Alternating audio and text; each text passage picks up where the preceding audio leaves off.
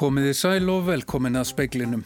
Vonsku veður er á landinu og allt innan lands og millilandaflug leikur niðri. Holtaverðu heiði bröttu, brekka, helliseiðu og þrengslum hefur meðal annars verið loka vegna veðurs. Gul veður viðvörun er í gildi fyrir allt landið þar til eftir hátegi á morgun. Slökkviliði í Stafangri í Noregi best við eld á bílastæðahúsi við flugvöll borgarinnar. Hluti húsins er hrunin. Talið er að 300 bílar séu ónýtir. Sveitarstjóri Bláskóabegðar segir að mikið verk sé óunnið við stopnun miðhálendis þjóðgars. Hún efast um að lögum gardinn taki gildi um næstu áramót. Scott Morrison, forsætisráð þeirra Ástralíu, hefur oft vakið neykslan en líklega hefur hann aldrei verið umdeildari en nú. Og ofveiði á rostungum gæti skýrt hvers vegna norræni menn yfirgafu Grænland á 15. öld eftir ríflega 400 ára dvöl. Um sjónamaður speilsins er Pálmi Jónasson. En við byrjum á óveðrinu. Það er vonsku veður um allt land. Elin Björk Jónasdóttir er veðurfræðingur á Veðurstofu Íslands. Já, nú er farið að hvessa um allt land. Það er komin suðvestanátt bæði á suður og vesturlandi og hvessir síðan af suðvestri á austanverðu landinni núna. Bara með kvöldin og getur orðið bálkvast þar viða í kvöld.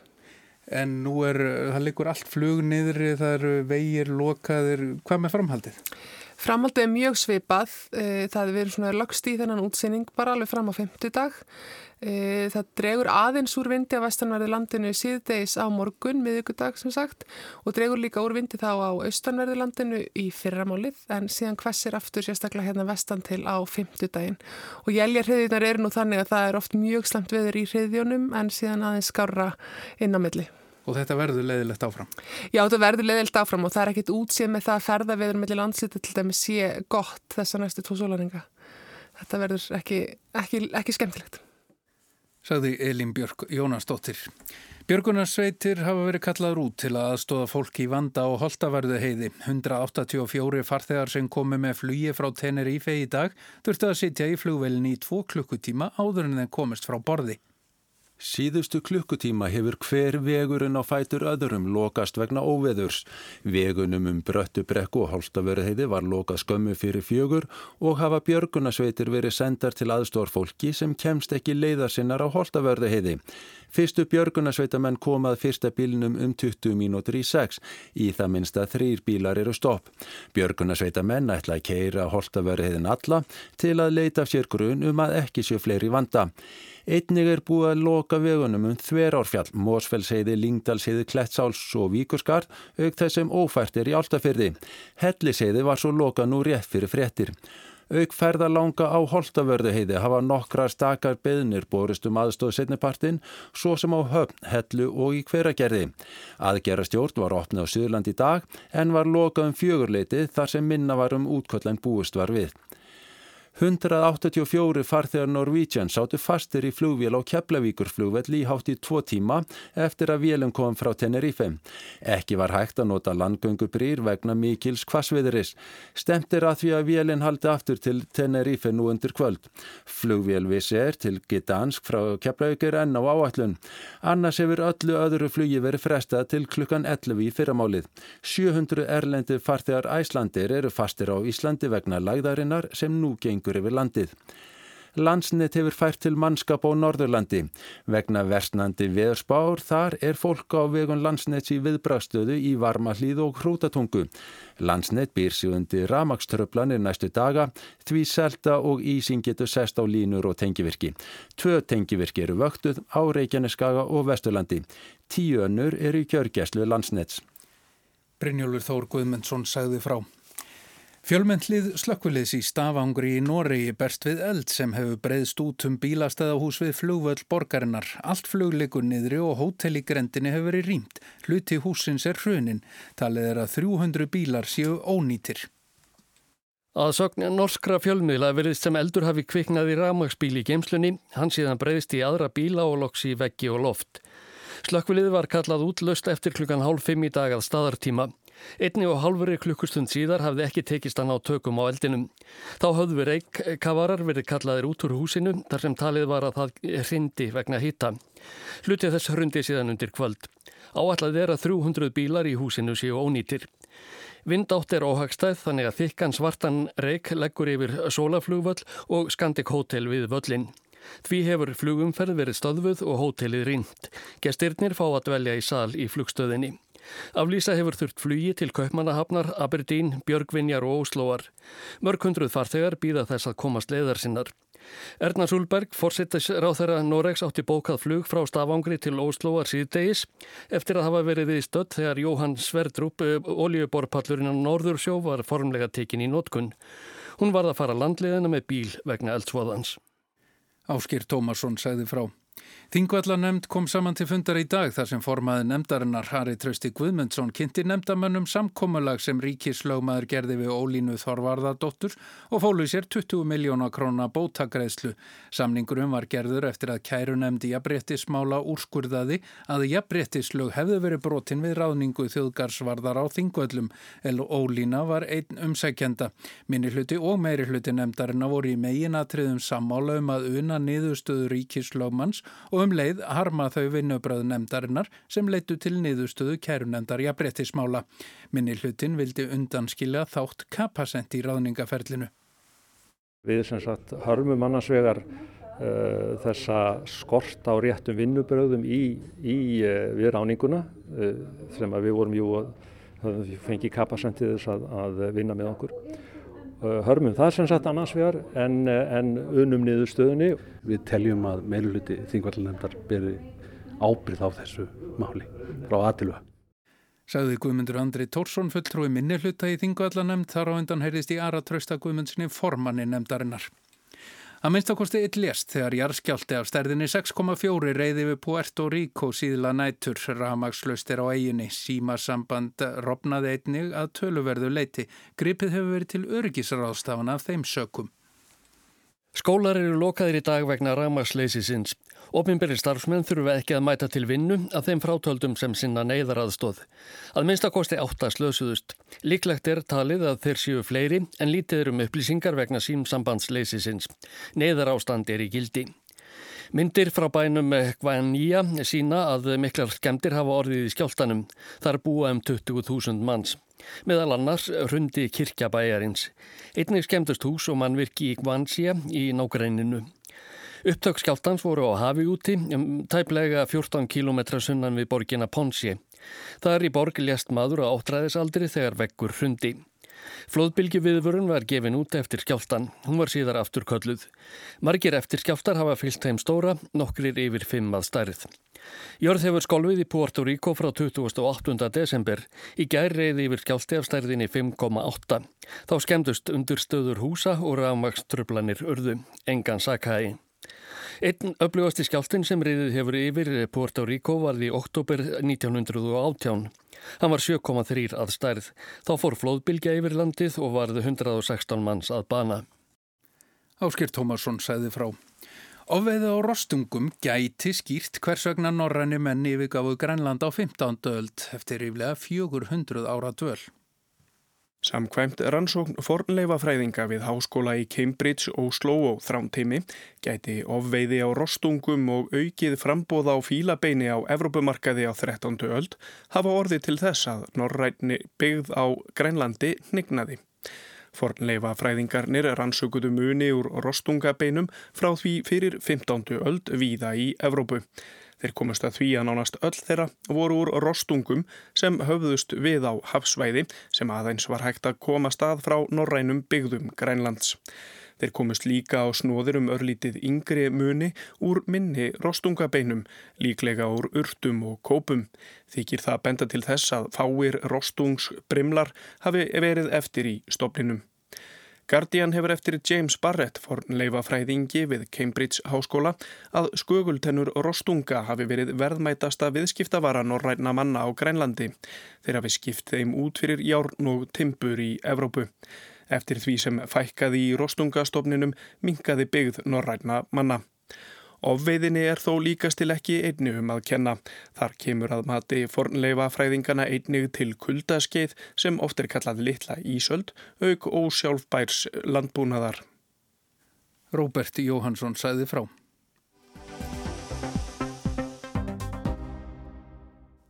Sveitastjóri Bláskóa byggðar efastum að lögum miðhálendis þjóðgar taki gildu um næstu áramót. Hún segi málið sé alls ekki tilbúið. Hún gaggrínir meðal annars að veri sé að taka skipulagsvald af sveitarfélugum. Við sögum frá því í speklunum í gærað heimilt verður að reysa virkjanir innan fyrirhugas miðhálendis þjóðgars að uppfyldum ákveðnum skilurðum. Ungverju samtök er ekki sátt við það en vantarlega fagna orkufyrirtækin þessu ákveði.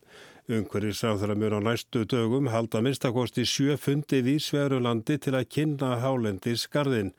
En sveitarfélög eru ekki sátt að minnstakosti ekki þau sem liggja inn í fyrirhugan hálendis þjóðgarð. Þau hafa meðal annars mótmælt að skipulasvald þeirra verði skert.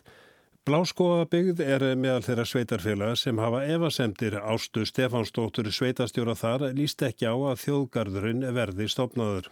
Nei, mér líst ekki á það og ég tel að málið sé bara ekki tilbúið. Það er eftir að vinna mikið í þessu. Til dæmis er, hefur samráðið ekki verið eins og það hefur þurft að vera. Það hefur til dæmis ekki verið samráð um hvort það ætti yfirhauðastofna þjóðgarð. Eftir eigi að ná samkómulega við sveitarfélagin og hagsmunaðila til dæmis um mörgu þjóðgarsins, hvernig eigi að haga skiplansmálum og stjórnar fyrirkomulagi. Hún nefnir líka heimildir til hefbundina nýtja. Hún segir líka að það sé verið að taka skipulansvalda af sveitarfélagunum. Hún nefnir að stopnuð verði svæðistráð. Þau munu hafa eh, loka orðið í sínum áallunum um það hvað sé heimilt að gera svæðanum og hvað ekki og eftir því verður sveitafélagin að fara að, og sveitafélagin í dag hafa þetta skipularsvald. Hún segir líka að það sé óvissum félagsamtök í sveitinni sem vinna heilmikið starfa hálendunum svo sem að landgræslu og merkingum á reið, leiðum. Ásta talar um ákveðin tvískinung með stopnum þjóðgarsins þar sem megimarkmiðið sé að vernda náttúruna. Þegar einn megin rökin sem gangi gegnum þessa vinnu alla, alla eru þau að það er búið til svo stertu vörumerki sem laða svo mikið á fólki þá finnst okkur ákveðin tvísk, tvískinungur í þessu. Annars vegar ætlar að vernda á friða og takmarka aðgengi með gæltöku og þess áttar en á hinn, hinn bóin er að skapa eitthvað stertu vörumerki sem dregur þessi fullt af fólki okkur finnst það bara, bara passar ekki saman. Það hefur verið fullirt að hver króna sem lögðir í miðhálendis þjóðgarð skili 23 krónum. Ásta efast um þetta. Svolítið komi tekjur af bílastæðum við Jökulsárlón. Við sjáum ekki að þessu tekjumöguleikar eins og þar, til dæmis hérna upp á Kili, þar sem er engin umferð nema bara hlutur ári. En nú er ráð þar að fara að kynna eh, frumvarströgin, eh, er að leggja staði í ringverðum landið og þetta átaka gildi um næstu áramót, þar sé að laugin sjálfveg að taka gildi um næstu áramót. Þú efast um að það gangi? Já, ég, ég hef einhvern veginn þá trú að það verði ekki í þessar umferð en við svolítið verðum að vinna í þessu og verður haldið að vinna í, í þessu samankvæmst að þetta gildi núna eða ekki þannig að ég held að, að þessi aðilar sem að hafa áhyggjur af þessu þeir fyrir við að, að hérna, halda áfram að vinna í því að koma sínum sjónamöðum á framfæri. Það er svo margt sem er eftir að gera. Þetta var ásta Stefánsdóttir Arnar Páll Haugsson talaði við hana.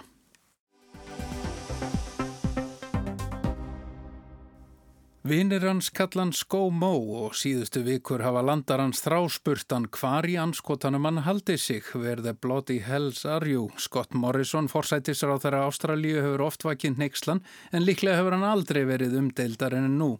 Mörgum þykir hann hafa brúðist seint og ítla við gróðureldunum sem nú geisa.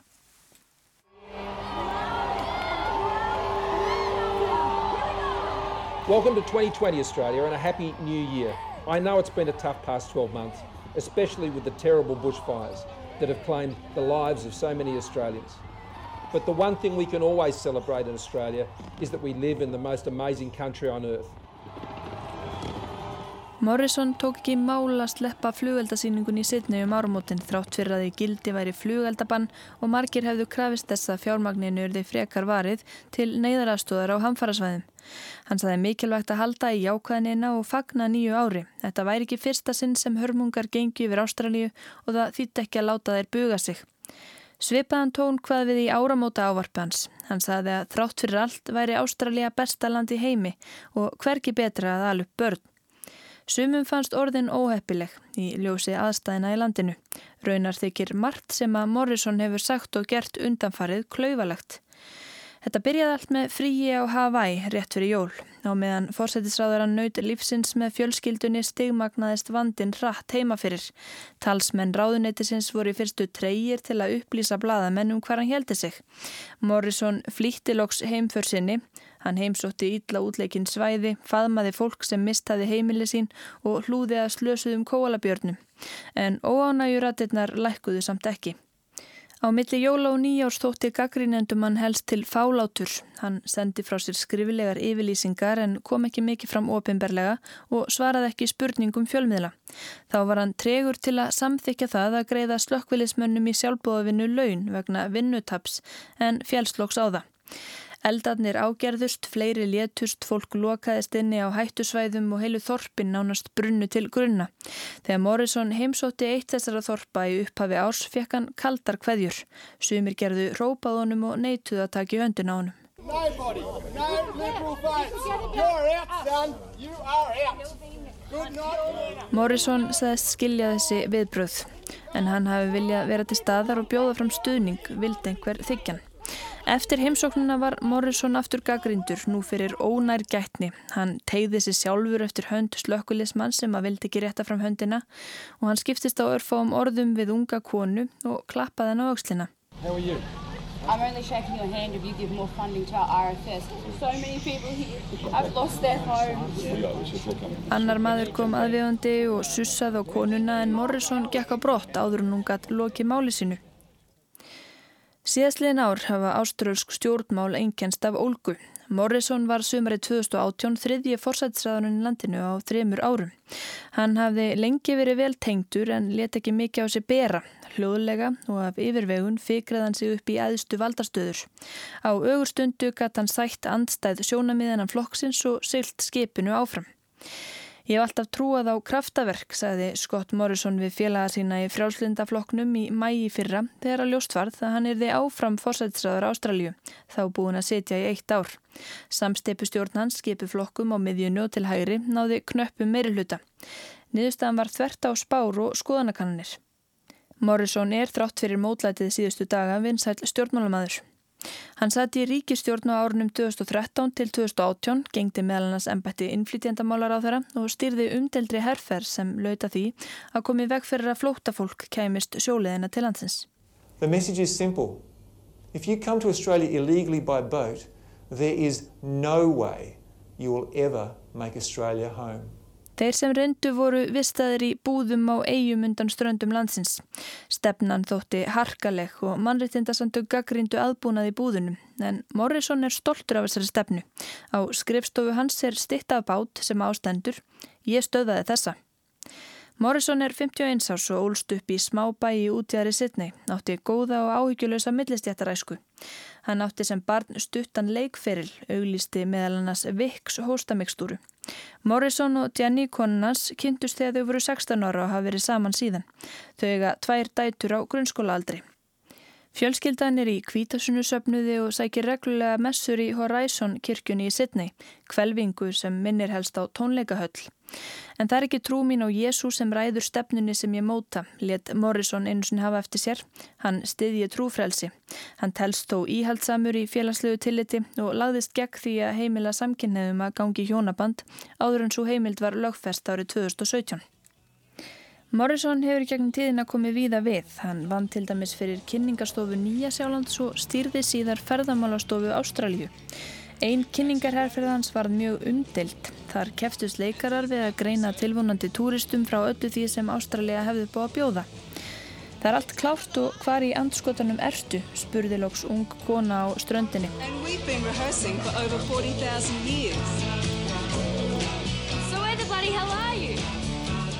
Auglýsingin var bönnuð í Breitlandi, þetta orðfæri Bloody Hell þótt of gróft.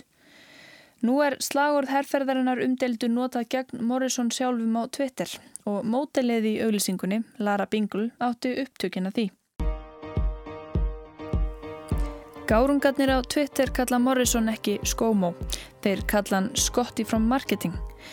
Auðlýsingaherrferðir virðast eiga það til að snúast í höndunum á Morrison. Svo síðasta fór í lofti fyrir þremur dögum eftir að ríkistjórnin ákvaða að senda herin til aðstóður á hamfarasvæðinu. Allt of sent að mati sumra. Í auðlýsingunni er farið yfir aðgerðir stjórnvalda, fjármagnið sem á að verja, laun slökkvilismanna og greiðslur til þeirra sem mistafa heimilið sín. Undir ljómar þetta upplýfgandi lag. Gaggrinendur segja með auglýsingunni upphefi Morrison sjálfan sig og nótferði sér hamfarinnar í pólitískum tilgangi. Það er nefnilega ekki ríkistjórnin sem er skrifuð fyrir auglýsingunni heldur hann sjálfur og frjálslindiflokkurinn. Loftslagsvísindamenn eru treyir til þess að kenna loftslagsbreytingum um ákveðna veðuratburði en hörmungarnar sem nú gangi yfir Ástralju rýma við það sem vísindamenn hafa varað við áratugum saman. Herri meðalhiti eigur líkur á öfgum í veðufari. Umræða um loftslagsmál hefur verið áberandi í tengslum við eldana. Loftslagsmál eru hápolítíski í Ástralju og það sést til dæmis á því hversu lítið fjölmiðlar í eigu fjölmiðla kongsins íhaldsama, Rúbert Smördokk, hafa fjallað um eldana. Ástralja er það land sem flytur út mest af kólum, 60% heimila fá rafmaksitt frá kólaverum og Morrison nýtur stuðningskólaðinaðarins. Fyrir tveimur árum mætt hann í Þingsal með kólamóla, talaði um mikilvægi kóla fyrir hagkerfi og atvinnu öryggi og kallaði þá sem líst höfðu áhyggjum af umhverjus miðnaðarins móðusúka. This is coal. Don't be afraid. Don't be scared. The treasurer knows the rule on crops.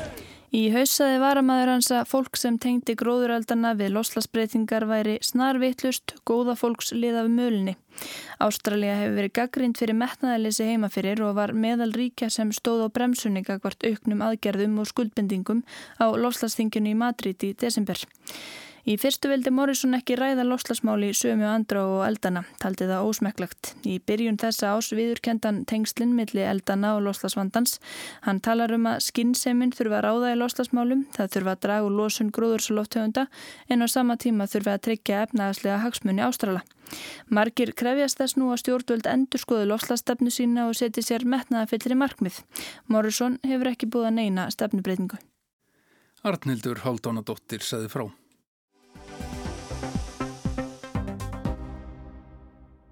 Blaðakonan Siori Ito vaknaði nakin á hótelherbergi og ákvaða kæra mannin.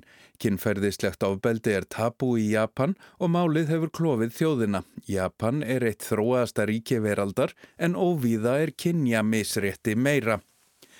Kvöldið örlagaríka fór bladakonan unga á veitingahús í Tókíu og höfuborg Japans með þekktum bladamanni og yfirmannum sínum Nyoki Yamaguchi.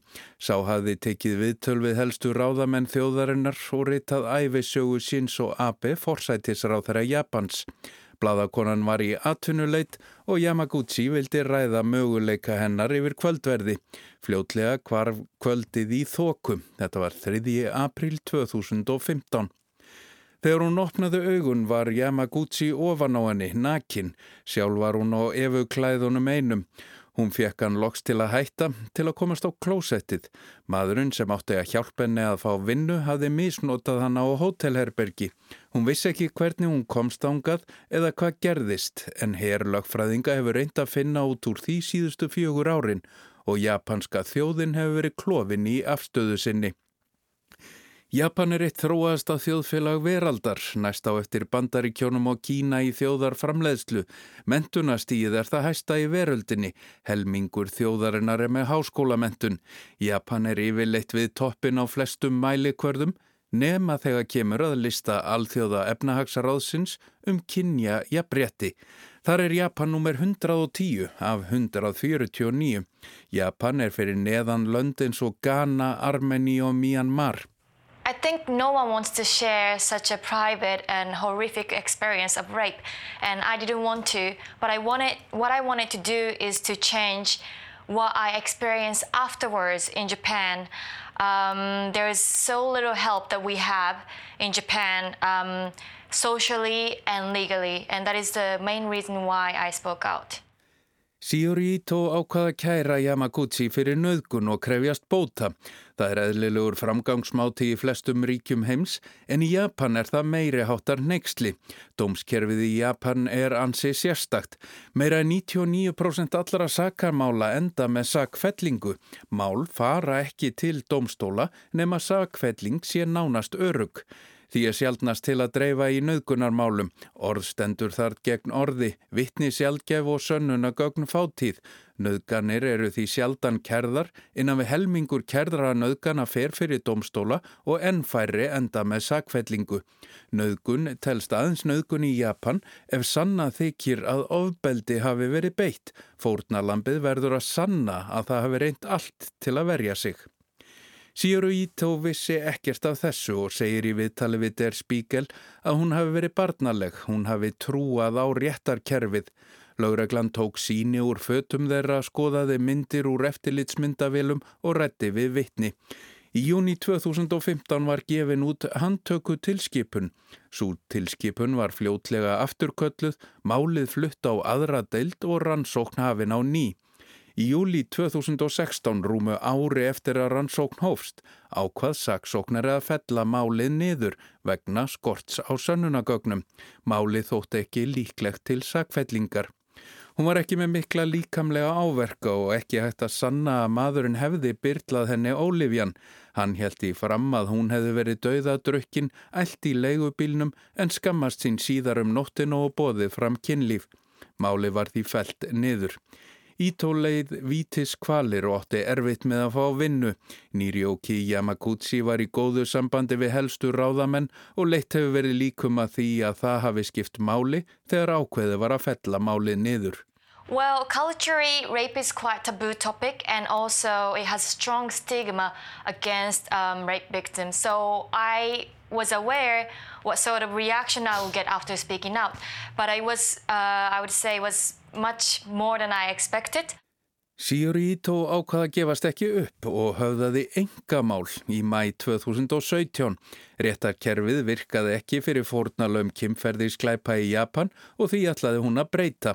Hún krafðist jafnverði 12 miljóna króna í bætur en fyrst og fremst vildi hún breyta hugsunarhætti og réttarkerfinu í Japan til hagspóta fórnalömbunum. Málið er einstæmi í Japan. Kona hafði aldrei áður höfðað enga mál gegn meintum geranda í nögunamáli og hún mætti mikilli anstöðu, hatri og hótunum, bæði frá konum og körlum. Vinir yfirgáana, sýstir hennar neytar að láta sjá sig með henni ofinberlega, hún fekk enga vinnu og flúða á endanum land. Hún býr nú í Lundunum. Þegar réttarhöldin nálguðust bugaðist hún, sendi kveðjubref á vini og vandamenn og gleifti heilt pilluglas af sveptöblum. Hún vaknaði upp á sjúkrási nær döiða en lífi. En smán saman fjölgaði í stuðningsópi hennar, engum konur sem hingað til hafðu borið harmsinn í hljóði. Stuðningurinn hleyfti henni yfir síðasta hjallan. Hún ákvaða að gefast ekki upp.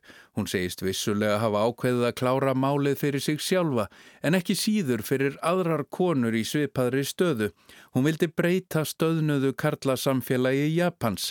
Á sama tíma vakti það þjóðar aðtikli þegar fadir var síknaður af áralangri misnótkun. Samþykki hefði kannski ekki verið til staðar en ekki hefði verið sannað að barnið hefði reynt allt til að verja sig. Því hefði misnótkunin ekki verið nöðgun.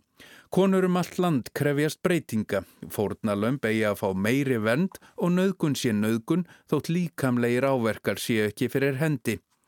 Rétt fyrir jól vann síóri Ító tímamóta sigur þegar henni voru dæmdar jafnverði þryggja og hálrar miljónar króna í bætur.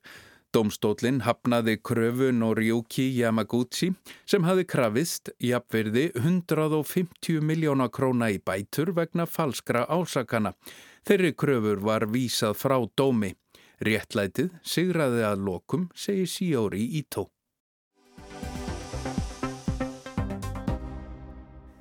Í speklinum var þetta helst. Vonsku veður er á landinu og allt innanlands og millilanda fluglikur niðri. Holtaverðu heiði bröttu, brekku, helliseiðu og þrengslum hefur meðal annars verið loka vegna veðurs. Gul veður viðvörun er í gildi fyrir allt landið þar til eftir hádegi á morgun. Slökkviliði í Stafangri í Nóri berst við eld í bílastæðahúsi við flugvöld borgarinnar hluti húsins er hrunin, talið er um 300 bílar séu ónýtir. Sveitastjóri Bláskóabegðar segir að mikiverk sé óunnið við stopnun miðhálendis þjóðgars. Hún efast um að lögum gardintaki gildi um næstu áramót. Scott Morrison, forsættisar á þeirra Ástralíu, hefur oft vakið neykslan en líklega hefur hann aldrei verið umdeildari en nú. og ofveiði á rostungum gæti skýrt hvers vegna norræni menn yfirgáðu Grænland á 15. öld eftir ríflega 400 ára dvöl. En það er ekki fleira í speklinum, tæknum að það var mark eldrett, verðið sæl.